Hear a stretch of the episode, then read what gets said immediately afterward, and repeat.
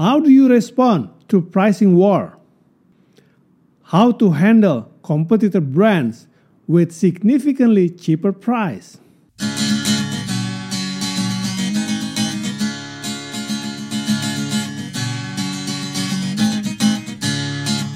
Welcome to Business and Management Podcast. Hello, my friends. How are you doing? I hope that you always be healthy and successful. Welcome to the Business and Management Podcast with myself as the host, Marchell Ludy. Today, we are diving into the intriguing topics of how to handle price competitors and the pricing war. You know, those brands that significantly have lower price. They may have a lower marketing budget, copycat innovations, a leaner cost structures compared to other bigger competitors. But fear not, we are here to unveil the secrets of overcoming this challenge. Let's start by first understanding these low price competitors. Do not underestimate them or just assuming that their product is inferior. We should keep trying to identify how our product can match their cost. Let's put ourselves in their shoes and analyze their cost structure. How much do their product cost to produce? What are their operating expenses? How much do they spend on marketing?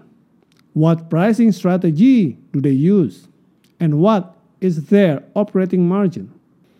We can find some answer through the publicly available information, such as the annual financial report or other publications.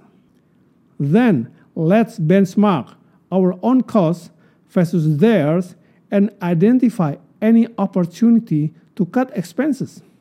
For example, maybe our packaging is just too expensive compared to the lower price competitors. While our consumers, our target market, does not really care about the fancy packaging. The key is to recognize any weaknesses, any opportunities to cut costs in our own system. Let's understand what trade offs the competitors are willing to accept that enable them to price their brand at such a low price point. Are they accepting lower profit margins? Are they allocating their budget differently across different marketing activities? Playing on our strength is crucial. Do not take the bait and abandon what makes us unique just to match their lower pricing. After conducting our benchmarking study, we should know what makes our brand unique compared to the competitors.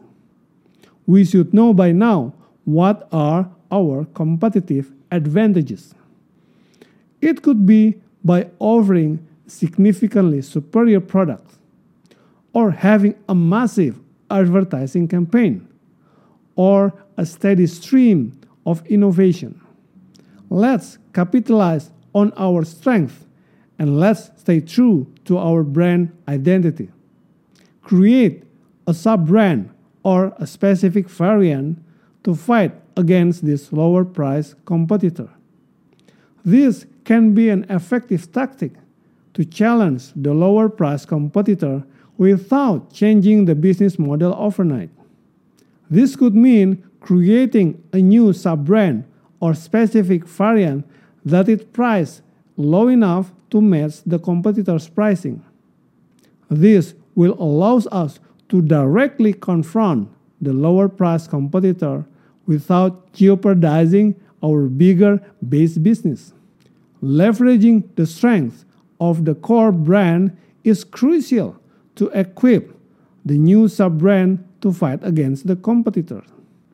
This is called borrowing from the big brother tactic. This tactic may involve allocating additional marketing budget for the lower price brand. We can also use the market research data to benefit the lower price brand.